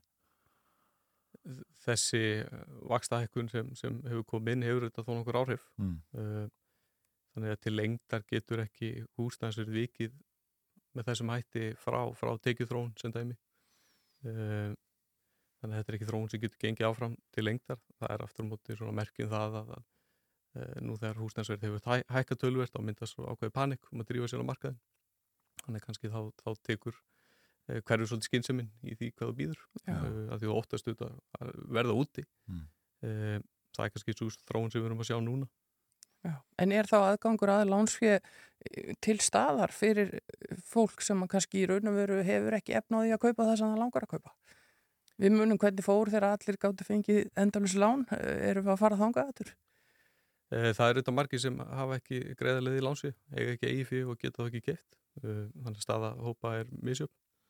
Þannig að það er kannski frekað einhverju sem hafa stuðning eða annað sem geta, geta komið inn á, á þessum verðum. Mm -hmm. Já, það hefur verið benda á, á reglur líka í, sem eru gildi í Oslo það sem sko að, að eigin fjárkröfur hafa verið sko auknar verulega til þeirra sem vilja kaupa sér íbúð sem er ekki til eigin nota mm -hmm. væri það æskilt að fara enn lengra í, í þeim efnum hér á landi? Sko alþjóðsambandi hefur kallað eftir að þjóðsvar og tækjum hafa verið beitt og er raunar talið að það hefur þurft að gera það fyrr vera með skýrar eigin fjárkröfur við erum bent á þennan hóp sem hefur verið að kaupa íbúð til fjárfestingarhefinga mm.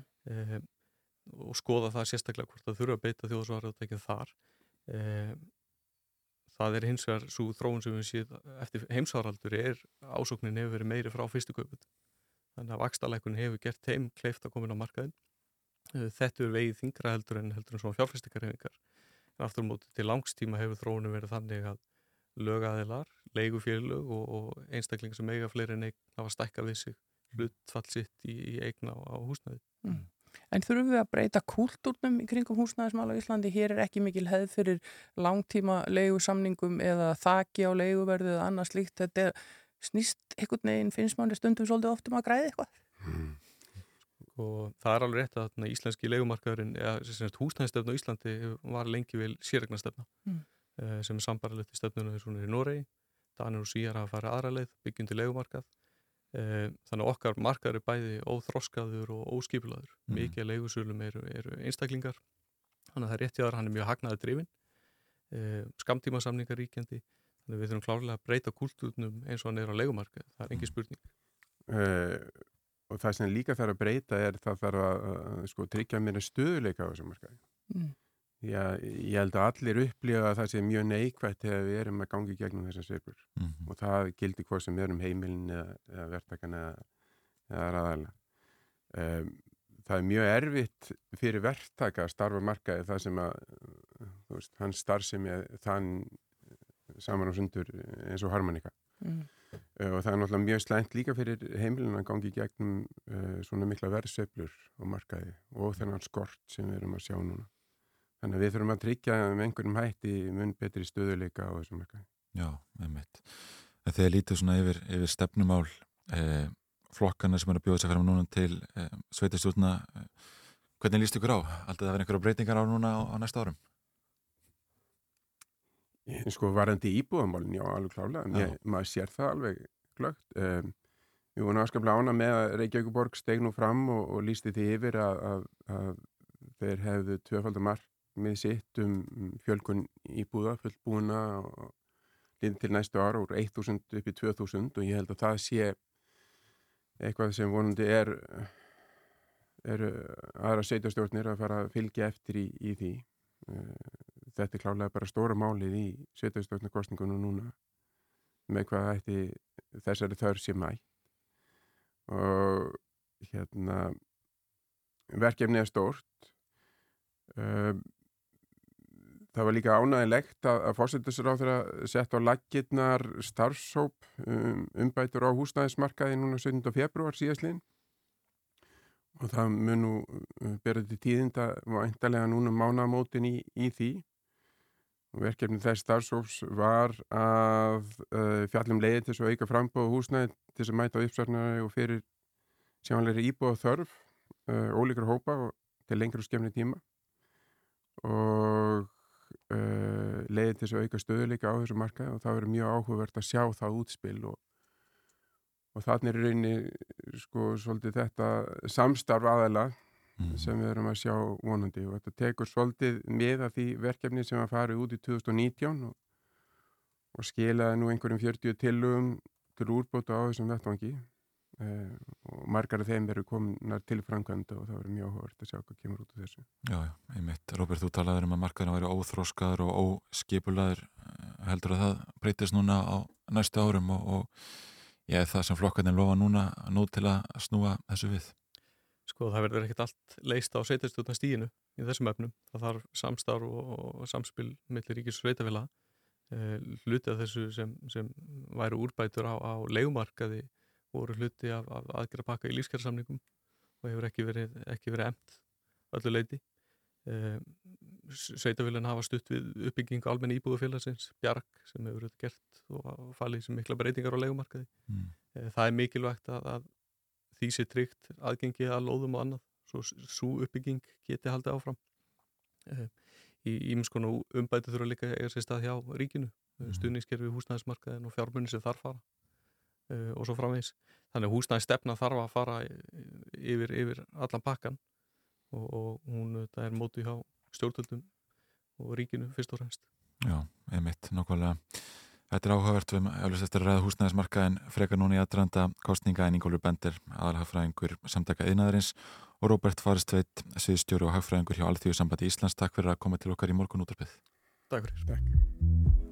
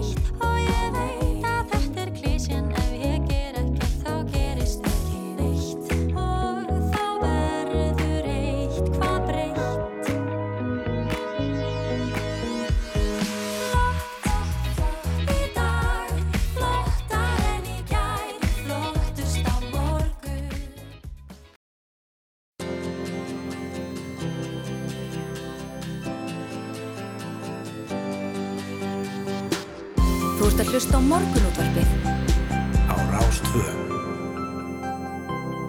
Jú, jú, mikið rétt morgun útarpið heldur hér áfram en þriðji þáttur kostninga hlaðvarps rúf fyrir sveitasvotna kostningarnar 14. mæ kom út um helgina og við hér í morgun útarpinum ætlum að halda áfram að fá að heyra um áhugaverð brot úr þáttunum og í þetta skiptið eh, er það viðtal sem ég og Guðrún Haldrunadóttir Við tókum viðtal við Kolbin Martinsson, frangandistjóra Atikli og Stefáníu Óskarsdóttur, professor í stjórnmálafræði við Háskóli Íslands og spurum þau út í kostningabartuna fram að þessu og mátt samskiptamilana.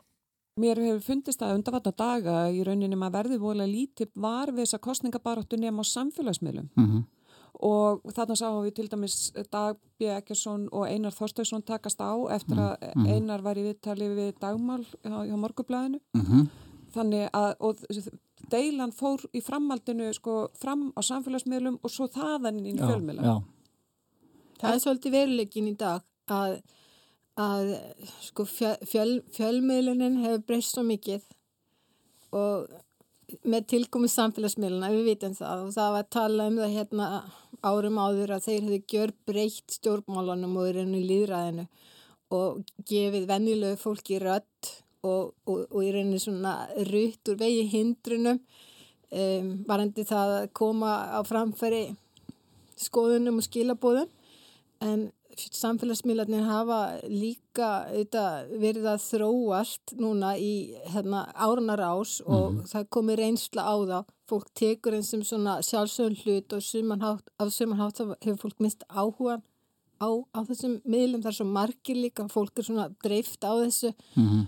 Og margir eru líka svona hafa já, efasemdur um um sko hvað tröll eru þarna er raunni sko velmenni og svona falsfrettir og framvegs og það að læka færslu getur þýtt og færði verið hálskeplu að ykkur þú vilt ekki fá Mhm. þannig ég held að margir hafi dreigið sér hlið á þessum miðlum en maður sér það að fjölmila reyða sér mjög mikið á upplýsingar sem að koma fram í, á samfélagsmiðlum almennt, taka, þar, sé- ta, taka þaðan upplýsingar og matriða sem, sem frettir Mhm. Þannig að samfélagsmiðlunir eru mikilvægir og, ein, og einhverjum tilvikum fer fram ákveðin umræða þar en ég held svona frá stjórnmálamennunum séð að þá eh, þurfi þeir auðvitað að vera með presens á, á miðlunum og þessu samfélagsmiðlum og minna á sig og vera auðvitað með það marga svona fylgjendur að þeirra skilabóð komist í gegn svo þau þurfi ekki bara að reyða sig á fjölmiðlana en það er einhvern veginn eins og ég er að segja og þú varst að benda á líka að frumkvæði kemur oft í, í gegnum sko einstaklinga á, á samfélagsmiðlunum sem skila Mhm. sér svo inn í fjölmiðluna. Mhm. Já, það, þeir, er, þeir eru náttúrulega farnir einmitt að vera svona framhald af einhver umræðu og svo, og svo verða það oft svona kannski líka að komast inn í fréttir en, en ég heyrði mig sko, hitti mig koni Amali í gær og hérna, hún talaði um það hún væri farin að fylgja öllum anstæðingum að því hún voru svo þreytt á þessum bergválselli sínum. Það væri allir sammálenni sko inn á, inn á Facebookinu, hún væri líka farin að líka við aðra, aðra aðila. En sko það sem er mér finnst svolítið áhugavert að því við vorum að tala um innkomi framsakaflokksins og menn tölum að meir hlutin væri fallin hann er ekkit fallin að því að framsokn var ekki hluti af stjórnarnastöðu síðan, skiljiði mig, við tökum það þannig. Og maður spyr sig hvort að framsokn sé svolítið svona koma, setja sér stellingar fyrir gamal kunnuga, svona, hérna, gamal kunnuga stöðu, þar sem þeir geta valið svolítið svona þessi að, að þeir, þeir mæla þegar, í þessari konun sem ég vísaði fyrst þessar maskinukonun í bara í byrjun april þá voru þeir að mælast með þriðja mann. Og þá tókuðu þeir tvo frá sjálfstæðarflokki og endur heimtu sér gamla fylgjavantala frá miðflokki skiljiði mig. Og ef maður horfið kannski á eitthvað konar hægri vinstri blokkir eða eitthvað slíkt þá er, spyr maður sig, er þá framsök að taka bara það, þaðan, skiljiði mig? Mm. þannig að hérna hvort að þeir séu þá spila og þau séu að spila upp á það að geta þá rauninni verið í ottastöðu til að velja með hvernig þeir starfa. Við mögum ekki glema því að í sjálfsög fjall meirlutin í síðustu í er Reykjavík, hann fjall já, en uh, var endur nýjaður undir fórustu dags með, með, með viðreist, já. og ég er rauninni viðreistnar, Já. segir maður og ég er rauninni sko að því að þú veist, þegar maður fyrir að að klóra, skoða þetta, það er, og þetta er óbúslega keimlugt og ég er algjörlega sammála Stefáníu að þú veist, á, alveg eins og bara við erum svolítið mikið að horfa bara á fólkið þú veist að við erum að við kjósa okkur miklu kannski fyrir eitthvað fólk heldur en svona fólk sem okkur líst bara vel á við treystum og þá, hérna, sko ef ég var að ég myndi þú veist meir hlutin er óbúslega áþekkur og ég, mað, það verður verkefni fyrir samstarfsflokk allar með samfélkingarinnar samfélkingin er greinlega búin að setja leiðtóa sinn algjörlega í fórustusæti og hann verður andlitið. Við sjáum þess hérna, húsnæðsáttmála, borgarlínu keirum hann áfram og uh, fjárfustum í hverfunum okkar held ég það hefur verið stókan sem ég sá á stataskilum uh, en það verður verkefni fyrir viðreist, uh, Vafge og Pírata að aðgerna sig, skiljið mig, akkur á fólk frekar að kjósa þau, frekar heldur en samfélkingu En það var eitt sem að ég tók eftir á samfélagsmiðlum þess, í þessari viku að maður sér alltaf fleiri og fleiri festa að takka við, ég kann nú bara ekki segja þetta á íslensku, að bara takka stjórnmála uh, þá sem eru í frambóði við Mhm. fæslur Mm. og það sem er verið að spyrja, ég ætla að kjósa, að segja, ég ætla að kjósa það frambóð sem stiður þetta og þetta, Mhm. kannski svona hluti sem að eru, hérna áður fyrir við höfum kannski talað um fyrirgræslu politík. Mhm. Er hún kannski komin á samfélagsmiðlana? Já, fyrirgreyslu pólitík er eh, fyrirbæri sem, að, sem byttur fyrir á miklu undanhaldi í íslensku, íslensku stjórnmálum og það er vegna þess að, að stjórnmálamenn er ekki lengur þeirra aðstöðu að geta útilt gæðum til einstaklinga gegn því að, að þeir hérna einstaklingarnir stiði stjórnmálamannin en þannig var þetta aldrei í gamla dag og það er skilgringin á fyrirgreyslu pólitík. En stjórnmál eða kostningabartan, hún snýst um það að koma kjósundunum á, á kjörstað. Og hérna áður fyrir að þá gáttu flokkarnir svolítið gengi að því vísu að, að, að fólk kæmi og kísi þegar fólk var upp til hópa miklu flokkshallara stutti tiltegna stjórnmáluflokk og þeirra stefnu og, og svona taldi að skildu sinna koma og kjörsta og kjósa en þetta er gamli tímin. Mhm. Nú er þetta þessi flokkshallista hún er mjög miklu undanhaldi fólk sér ekki endilega ástæð til þess að koma að kjósa um, nema því þessi gefin ástæða og hún er oft í svona almennum orðum þar þessi ástæð, ástæðan er einhver til, tildikinn stefnumál kannski einstak, þið veitir, einhver hérna til dæmis skulda leiðréttingin eða einhver svona málefni sem stundu komast á mikið flug og, og, og fólk fylgir sér um. Já, já, nema hvað að stjórnmálamenn þurfa að komast einhvern veginn í samband við, við kjósenduna að eiga þetta samtal en mér finnst samtali að hafa færst mér í burtu frá þessu svona maður og mann samtal í, sem átt sér stæði gamla dag í flokkunum eða á fundum eða svona þið viti í búðum og svo framvegs og færst meira í þetta hérna, stafrana umhverfi Mhm. og leið kjósandans til þess að ná aðdegli stjórnmálamannsins er til dæmis sá á samfélagsmiðlum með að taka einhvern svipa og lifta lift upp höndi á fundi til að spyrja spurninga, Mhm. hvað ætlað þú að gera fyrir mig Mhm. en nú eru þessi fundir í rauninni, þið veitir í, í raunheimum, þeir eru að marga, marga hann liðin tíð sko Mhm. Ég, hérna, maður hefur séð þetta og maður hefur séð þetta til dæmis eins og bara gerist í vetur með, með sorpurður í Reykjavík þá hefur verið að taka, hérna, taka, taka ymsa stjórnmálamenn og benda á eh, eða hvort það þurft að móka eða eitthvað slíkt, þú veist. Eh, ég held nú að, að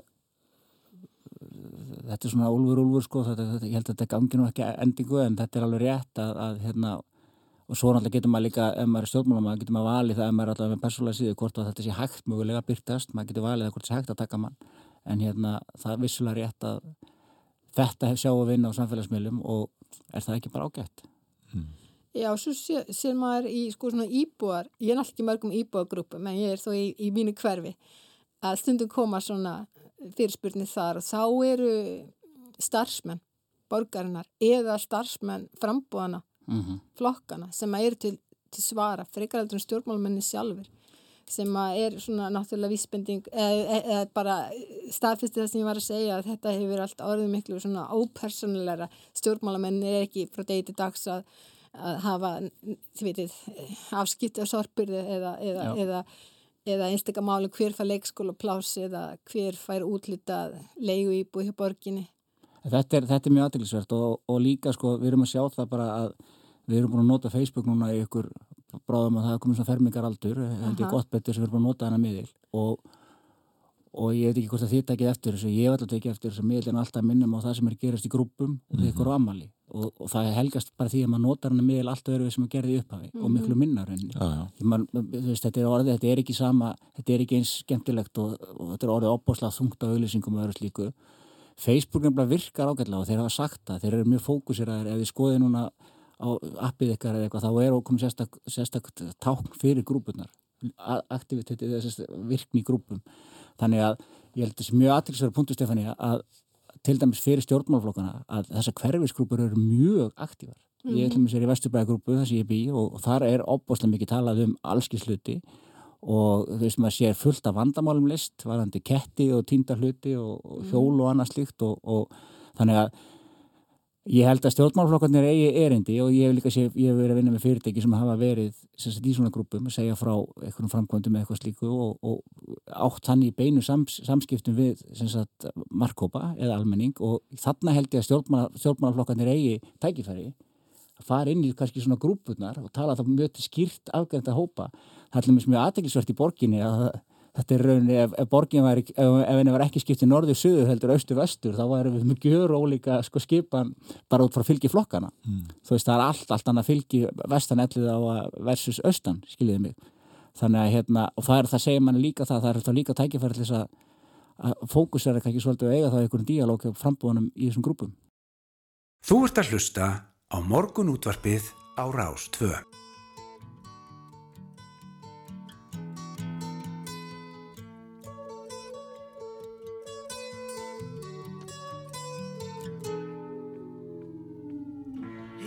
Comes the sun, here comes the sun. I say it's alright.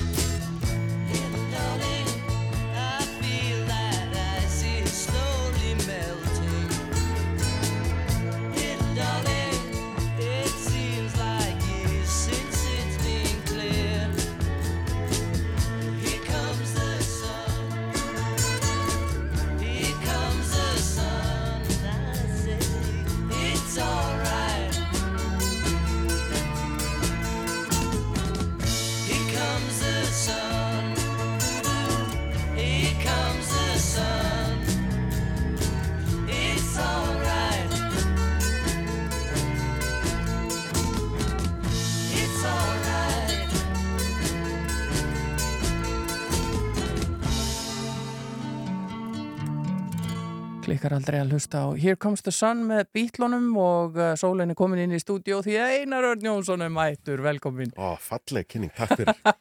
Þú ætlar að svona aðeins að- stikla á uh, tíðindum, já, kannski mest úr boltanum. um Já, helgina. þetta er svona sá tími ásins þegar að hérna, sólin er að hækka á lofti, vorlikt og svona graslíktin aðeins að byrja að koma og þá einhvern veginn rennur allt saman í eitt. Já. Vetrar í íþróttirnar að klárast og, og sumarsportin að, byrja. Já, já. Þannig að ef við byrjum kannski bara á vetrar íþróttunum sem er að klárast, úslitakeppninar á fullu í, í handbólt og körubólta og karvan er komin, komin lengra en, en handbóltin í sínum úslitakeppnum og úrslit kvenna eru bara í fullum gangi hjá Haugum og Njarðvík. Það er staðin 1-1 og þriðileikurinn er í, er í kvöld. Er að vinna þrjá leiki til að verða, verða Íslandsmeistari, þannig að það verður engin meistari í kvöld en kemst skrefi nærði. Svo eru tvær umferðir búnar í undanúslitunum hjá köllunum og svona, aðeins óvænt valur 2-0 yfir á móti Þór Þorlóksöp sem er ríkjandi Íslandsmeistari. Já. Unnuð á hlýðarenda á lögadaskvöldi eftir að hafa sótt sigur til e, Þorlóksharnar í fyrsta leiknum og svo komst tindastóði 2-0 gegn Njarðvík í gerkvöldi eftir að vinna það á, á söðakroknum í tví framlengdum leik 116-107 þannig að svona, það er allavega búið að ná í sópin inn í, inn í kúst Já. það var svona pínu það er svolítið antiklæmaks ef, að- ef að báðar undanúslita viðregnina fara 3-0 þannig að við skulum vona að, að Þór og, og Njarðvík svona aðeins taki sér nú saman í, í andlitinu og, og gefa okkur smá lífi í undanúslitunum líka. Algjörlega. En það gætið orðið, sko, ég meina Tindastóll Valur í, í úslitum var mjög, já, já. mjög áhugavert. Er mjög Margir áratýr síðan að Já. Valur vann eitthvað í kallaflokki í, í körunni. já. Tindastóll ekki, ekki ná því. Þannig að þetta gæti orðið spennandi. Ég maður svona vonar að maður fá aðeins meira lífi í, í undanúslitin. Það er alltaf skemmtilegast þegar maður fær reyna úslítaleiki í þessu. þessu. Já, því að svo maður svo fljótur að gleyma þó að þetta hafi verið tvíframlengdur og aðeinslegu leikur í gæri ef að serían fer svo 3-0 þá einhvern veginn Uh. uh, Já. Nei, þannig að maður svona aðeins fá smá líf Já. en svo eru áttalegu slitin í gangi í handbóltanum hjá köllunum og þarf að vinna tvo leiki bara þar þannig að Valur uh, hendi fram út í gæri og íbjöða fann stjörnuna Já. fóru bara 2-0 þær, þær viðregnir kannski svona viðbúði hjá Val og fram Valur deildameistari fram í, í áttundasæti íbjöða fór stjarnar var svona aðeins, aðeins óvæntara að þetta skildi vera svona Já. svona afgerandi, svona við hvernig, hvernig veturinn spilaðist. En svo eru tveir leikir í, í kvöld og það voru eru viðregnir sem voru alveg mýgandi spenna í, í leikjum eitt Já. núna fyrir helgi, Haukar og Káa og FH og Selfoss. Selfoss vann FH í Kaplakrika með einu þar sem það riðist á lokasekundunum og Káa vann Hauka með einu þar sem að Sigumarki kom eftir að leiktíma var liðin úr, úr viti. Og leikinnir í kvöld eru uh, sagt, fyrir norðan og á Selfossi. Já, Þannig að Káa Hauka klukkan 6 og, og Selfoss FH klukkan halv 8. Mm. Aftur eins og áðan, maður vill fá áttaleiki. Já, já, algjörlega, algjörlega. Ekki, ekki með sópin, allavega ekki allar viðregnir áttalegi úrslitana farið tvönu. Nei, ekki í boði. Nei, það er ekki í bóði. Svo byrjar úrslitakeppni hvenna á, á fimmtudaginn. Mm. Það er aðeins annað format, það eru sex lið sem fara í úrslitakeppnina, þannig að efstu tvö Já. Sitja hjá í fyrstu umferð. Þannig að nú er að spila sem sliðin úr sæti 26 Já. í rauninni svona semi undanúrslit um það að komast í undanúrslit. Mm. -hmm. Kvæðlega fyrstu umferð bara. Já. Uh, svo er náttúrulega grasliktin, eða gerfi grasliktin núna meira. Já, ég ætla að segja, það, ég tók eftir því í gæra að það var einhver staður í einhverju frétt tekið alveg sérstaklega fram að allir leikir umferðarinnar færu fram á náttúrulegu grasi. Já, sem er bara orðið sjaldgæft, Já. eða sjaldgæfara núna Já. en var. Ég er náttúrulega, er það gamall, ég man eftir því þegar fyrstu leikinu voru alltaf að fara fram á möl. Jú, jú, Þá tekið nú það gerfugrassi frekar, sko. Já, já. En auðvitað vill maður frá, fá grasliktina og að það sé Já, svona en- en- grasgræna á, á sokkunum hjá mönnum eftir leiki og eitthvað. En ég skil þetta samt mjög vel, nú til dæmis hverfisklúburum minn skipti yfir í gerfisgras fyrir ekki löngu síðan og það hefur náttúrulega bara gjör breytt þeim möguleika að nýta. Völlin til æfinga. Algjörlega. Ég meina það mátti aldrei neitt uh, horfa inn á grasið þegar þetta var alvöru gras. Ég meina nei, það var enginn að fara að æfa þar annar enn meistraflokk. Fuglar hræður að að reyna að losna við gæsirnar og mávana og eitthvað af, af grasinu. Já, já. En núna náttúrulega uppbytta gerfigras nýtist allan ásins ring Já. á meðan náttúrulegt gras, ég var að segja mæ og fram í, Já. fram í september, það mátti aldrei horfa á þetta í oktober að þá myndur skemma það fyrir veturinn. Best væri að hafa bæði, allstaðar. Já. En það er nú ekki svo einfalt. Nei, ef, við, ef að peningar yksu á trjám, þá Já. getum við það. Einmitt, og landrými. Já, og landrými, ég glemmi því ekki. En það semast voru þrýr leikir í bestu deild Karla, sem er nýja nafnið á, á úrvalsdeildinni. Mhm. Í, í þrýr leikir í gær, unnust allir á útivelli, óvæntast, uh, já fyrir ekki að vera fjóri ykkar, óvæntast var 3-0 sigur í á Vikingi, Já. sem var eini það. í, í gæri. Vikingar náttúrulega Íslands og byggameistarar, unnu svo meistarakeppni KSI á dögunum, skelltu FH í fyrstu umferðin, fara upp á Skaga og steinlíkja. Já.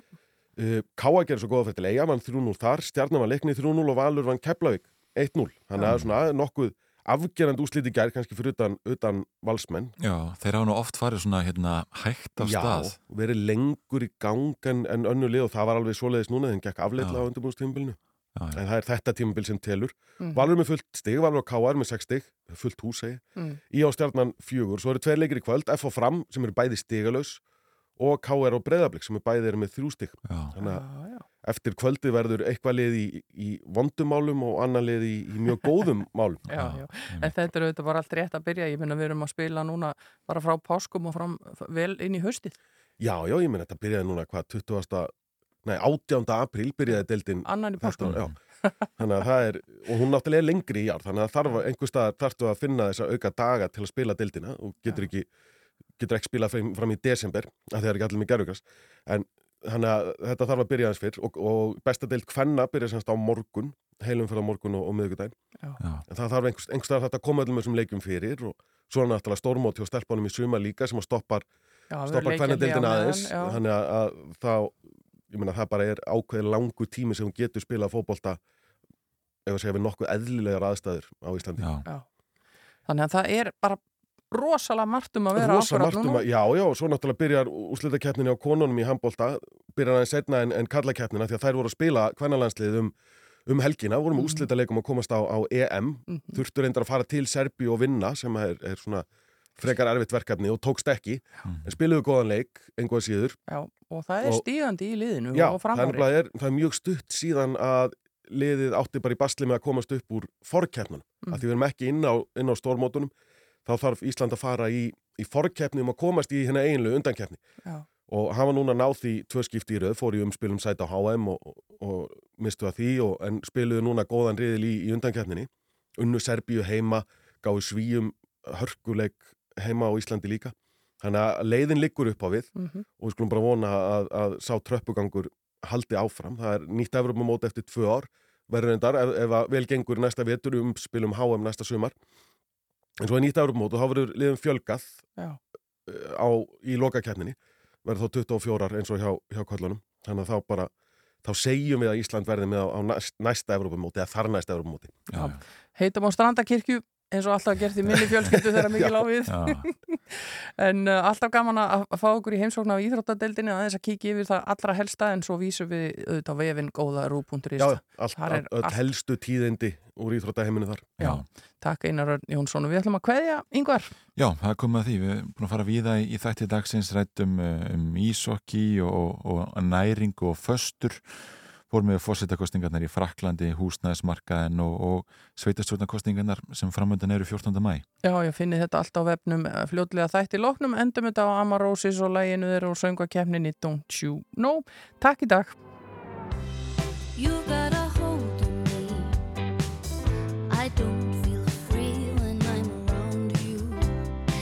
like I